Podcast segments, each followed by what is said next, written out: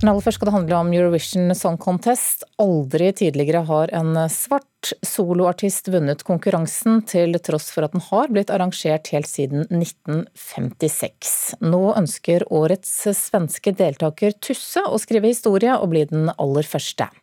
MGP-ekspert Per Sundnes tror imidlertid at det ikke kommer til å skje. Han kaller Eurovision-konkurransen for blenda hvit.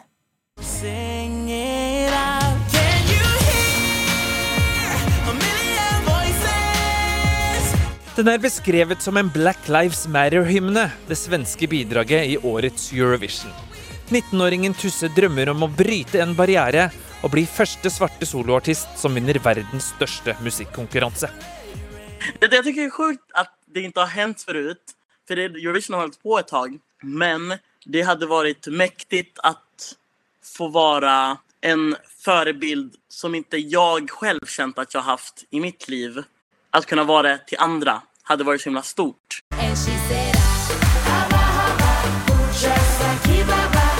Norske Stella Muangi kom overraskende ikke engang til finalen i 2011.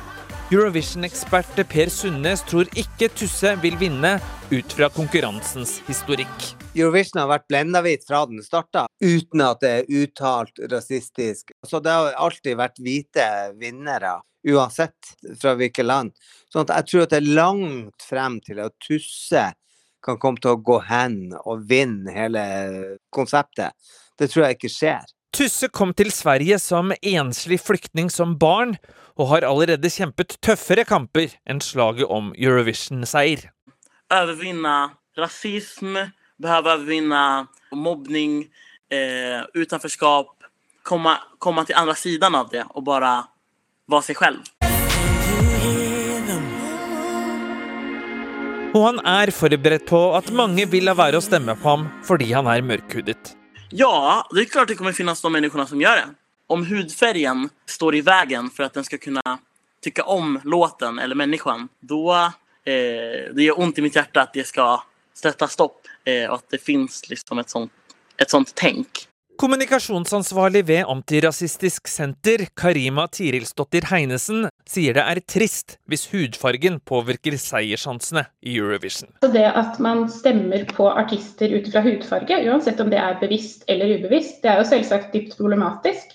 Og det er også et tegn på de fordommene og den rasismen våre samfunn stadig sliter med. Og det tenker jeg at det er på høy tid å komme seg videre fra. Per Sundnes håper han tar feil angående Tusses muligheter, og mener han er den perfekte vinneren.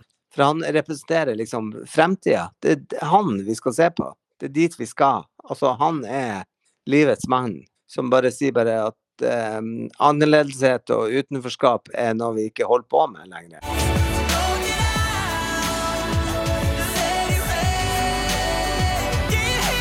Mitt budskap er til de som eh, som tror på medmenneskelighet og vil eh, lyfta allas röster.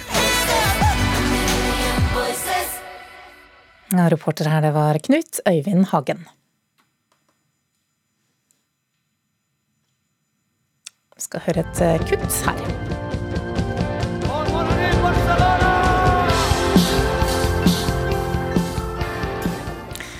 Dette er gruppa Love of Lesbian som spilte konsert i helgen, og dette var ikke en digital konsert som mange har blitt så vant til det siste året. De spilte sin første konsert med fysisk publikum på halvannet år. Dette skjedde i Barcelona. Kulturreporter Ida Yasin Andersen, hvordan fikk de til det? Jo, altså, Det er nok sikkert flere som kan kjenne litt kribling i magen av å se på disse bildene med store folkemengder som er samla for å se på live musikk. Jeg kjenner at det kribler litt i magen min, for det var nemlig samla 5000 personer på denne konserten i Barcelona. og Her ble det brukt hurtigtesting, og alle som deltok på konserten hadde medisinsk munnbind og ble pålagt å ikke holde avstand. Og Dette var da et eksperiment for å finne ut om munnbind og massetesting er nok for å hindre smitte smittespredning. Mm, det er kanskje litt tidlig å si om uh, hvordan dette gikk, da, men er det kommet noen indikasjoner tidligere på at dette kan fungere? Ja, tidligere i år så sto de samme arrangørene bak eh, en konsert som involverte rundt 1000 personer.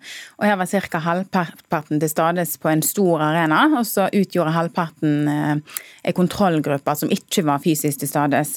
Og Alle deltakerne ble hurtigtesta og brukte munnbind. og Det ble testa på nytt etter åtte dager. og Da var det ingen positive i denne gruppa som var til stades, men det var to positive i kontrollgruppa. Og Ellers så har det blitt halve testarrangement i Tyskland og Nederland Nederland, og i tillegg skal Storbritannia nå neste måned eh, holde flere testarrangement, ifølge The New York Times. Mm, jeg regner med at det er kø da, for å få være med på disse arrangementene? Ja, det vil jeg tro, for publikum har vært eh, veldig i ekstase, eh, inntrykket så langt. Og flere forskere har uttrykt at de er svært positive til eksperimentet. Og vaksine- og virusforsker Gunveig Grødeland ved Universitetet i Oslo sier til NRK at hun ser på dette, denne konserten i Barcelona da, som, eh, som veldig nyttig forskning for eh, veien videre. Ok, Takk skal du ha, kulturreporter Ida Yasin Andersen. og Du kan lese mer om dette her på nettsidene våre nrk.no.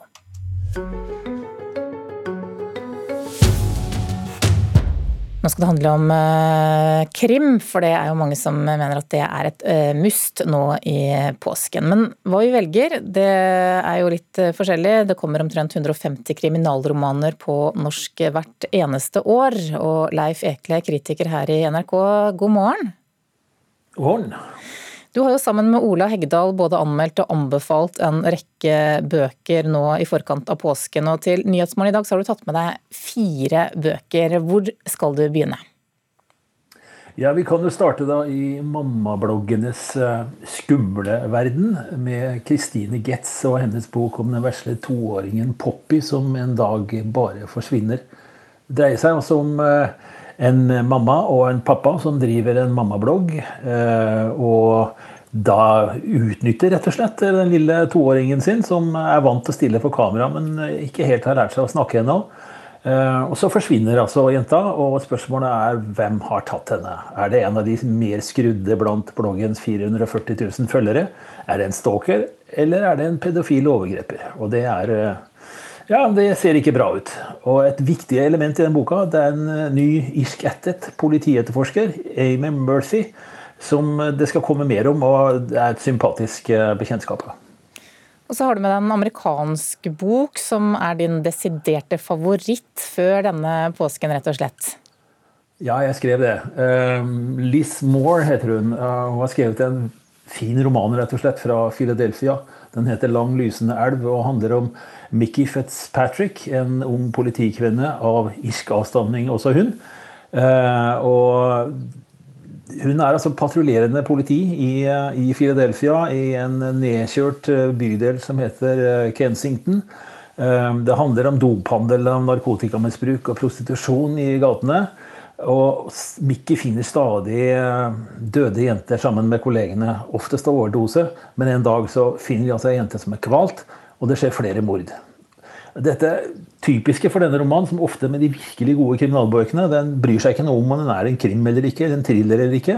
Den handler om mange andre ting også, som klasse, storbyforfall, avhengighet, søskenkjærlighet, opioidepidemi, familie osv. Det er en strålende roman, og den er veldig godt oversatt av Knut Hofstad. Og så har du også lest en del krimbøker på engelsk i år. Som, som vanlig, hva vil du anbefale?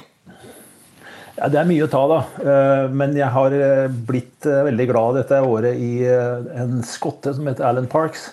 Han begynte å skrive da han forlot musikkbransjen, der han hadde vært i mange år. Det var strømminga og alt det der som forandra det hele. Så begynte han å skrive, men han studerte også historie. Glasgow-historie. Han er fra Glasgow selv, da. Og da skapte han denne unge politimannen Harry McCoy og plasserer ham trygt i året 1973. Og den første boka het, kom for to-tre år siden, heter 'Bloody January'. og det er Den jeg liksom tatt med meg. da. Um, og det kommer nok en roman for hver måned i året. Den fjerde kom, eller kommer akkurat nå, og heter typisk nok 'The April Dead'. Og dette viser at politiromanen faktisk har liv igjen, altså, så lenge forfatteren har noe å si om stedet og tida og samfunnet. Og Da er vi kanskje i en slags eh, sirkel, da, der vi går tilbake til politiromanens begynnelse. Du anbefaler Sjøvald og Valles klassiske 'Det lukkede rom'. Hva er det med den boka? Ja, Det er den åttende boka i Sjøvold Volles eh, tibindsverk, romanen om en forbrytelse. Denne kom året før bøkene til Alan Parks foregikk, eh, foregår, i 1972. Uh, og denne serien til Sjøvold Valle er jo liksom et av startpunktene. da, og, og, og, Her er det Martin Beck som kommer tilbake etter at han ble skutt i den boka som ble filma som 'Mannen på taket'. Og Han må løse et mysterium der en mann ligger inne i et rom og har åpenbart begått selvmord. Men det er jo ikke noe våpen der, og døra er låst, vinduet er igjen. Eh, hvordan kan dette gå? Dette er et klassisk lukket rommysterium, et umulig mysterium, men Martin Beck eh, klarer nok kanskje å få høre på det. Ok, Da får vi si god påske, Leif Ekle, og takk for dine anbefalinger. Og Vi skal snakke mer om krim. God morgen til Knut Gørvel, festivalsjef for eh, Krimfestivalen. God morgen. Som feiret tiårsjubileum tidligere denne måneden. Hva er det med vår fascinasjon for krim? Ja, det er det mange som lurer på. Altså, i, I, bransjen, og særlig blant krimforfattere, så er det en myte som man liker å tro litt på, nemlig at uh, i 1923 så var det Palmelørdagen, så var det en stor annonse på forsiden av Aftenposten hvor det sto 'Bergenstoget plyndret i natt'. Og så sto det med mikroskopisk eh, skrift at det var en annonse, så folk ble helt hysterisk engstelige for pårørende og hva som hadde skjedd. Og så var det en bok fra Gyldendal da, av Nordahl Grieg og Nils Lie. Sånn at eh, da ble det masse styr rundt eh, den krimromanen, og året etter så kastet jo alle andre forlag seg på. Jeg tror kanskje det er en myte som er litt for god til å være sant for salgs- og markedsavdelinger, men eh, jeg tror det handler om Altså det er et særnorsk fenomen, men det er også litt særnorsk å dra på påskehytter og gjøre helt spesielle sånne koseting som vi er vant til. Og forunderlig nok, i verdens eh, kanskje tryggeste land, så koser vi oss med krim og spenning. Mm, men det å være fascinert av krim, eller like krimbøker, det er vel ikke særnorsk? Nei, absolutt ikke. Det er jo en av verdens største sjangere. Sånn at, eh, men det er litt forskjellig smak fra land til land. Og akkurat det at det er påsken, det er liksom Der er vi ledende i verden, i hvert fall. Mm, men hva er det med oss mennesker som gjør at vi, vi blir så fascinert av disse krimhistoriene, eller mysteriene? Ja, Det er det vi prøver å finne ut av på Krimfestivalen, som man også fortsatt kan gå inn og se på på krimfestivalen.no, der alle programmene kan ses gratis. Eh, en del snakker om eh, det samme som de gamle grekerne i antikken snakket om, altså at det er et sånn katarsis-begrep. Nemlig da du så de greske tragediene, der man jo f.eks. i Ødipus eh, drepte sin far og elsket sin mor. Eh, det er jo kanskje ikke akkurat det du ønsker å oppleve, så det er jo nettopp det de snakket om da, var en sånn renselse som er katarsis. Og hvis vi blir konfrontert med det vi frykter aller mest, så blir vi kanskje renset fra det. Og især i krimroman hvor eh, i motsetning til sånn verden er nå, så, så blir det jo orden til slutt. Som regel i en krimroman, at den skyldige blir tatt osv. Så, videre, så du får det motsatte kanskje av det du har i angsten i hverdagen. Mm. Kulturkommentator her i NRK Agnes Moxnes eh, skrev nylig på nettsidene våre om drap som underholdning, og da spesielt drap på kvinner, som er et motiv som går igjen i krimsjangeren. Hvorfor har det å drepe unge, vakre kvinner blitt eh, populært blant krimforfattere, tror du? Jeg vil jo si at uh, dessverre, hun har jo fryktelig rett i at uh, det er jo forferdelig at det er et stort og viktig fenomen i verden. og så kan man si Det er jo ikke akkurat underholdning, men det, igjen så er det jo noe av det som er den, vår største frykt, kanskje. Og, og, man skal jo, som vi hørte Leif Ekle, altså det finnes jo uendelig mange forskjellige krimromaner. Og det er noen få som, eh, som tar tak i dette fenomenet, og noen av dem syns også jeg kanskje utpensle for mye selve volden. Men eh, så Derfor så kan du jo velge noe annet. Og De siste årene så har det jo vært kanskje flere som har vært opptatt av det vi kaller domestic noir. Altså øh, psykologiske thrillere som foregår i hjemmet eller med kjæresten din, eller altså med det, det nærmeste. Øh, som burde vært trygt. Og, men så viser det seg, som dessverre i virkeligheten, at det er jo også der det foregår flest, flest drap. Mm. Hva leser du selv i påsken? Ja, jeg leser kommende bøker som kommer til høsten. Eh, for jeg kan egentlig ikke røpe det, men, eh, men eh, det er mange spennende. Men jeg kan røpe det som jeg liker best nå, da. Og det er jo Grete Bøs 'Mayday', en arktisk thriller som en, er en representasjon av noe som jeg syns er veldig fascinerende, en ny kvinnebølge. Eh, for vi hadde jo en på 90-tallet med Anne Holt og Karin Fossum og Unni Lindell. Eh, og nå kommer det en rekke gode norske kvinnelige forfattere som ser eh, verden og krimromanen på sin måte. Det som er spesielt med Grete Bø, er at hun tar over det tøffeste av de tøffe. Hun er sånn tøffere enn Jon Michelet. Det er litt sånn Orions belte. Og så er det en kvinnelig uh, jagerpilot som er helten, som er en slags sånn Jason Bourne. Og for meg så var det utrolig inspirerende at ikke bare det skal være mennene som ordner opp. Ok, God påske og god krimpåske. God påske. Knut Gørvel, festivalsjef for Krimfestivalen.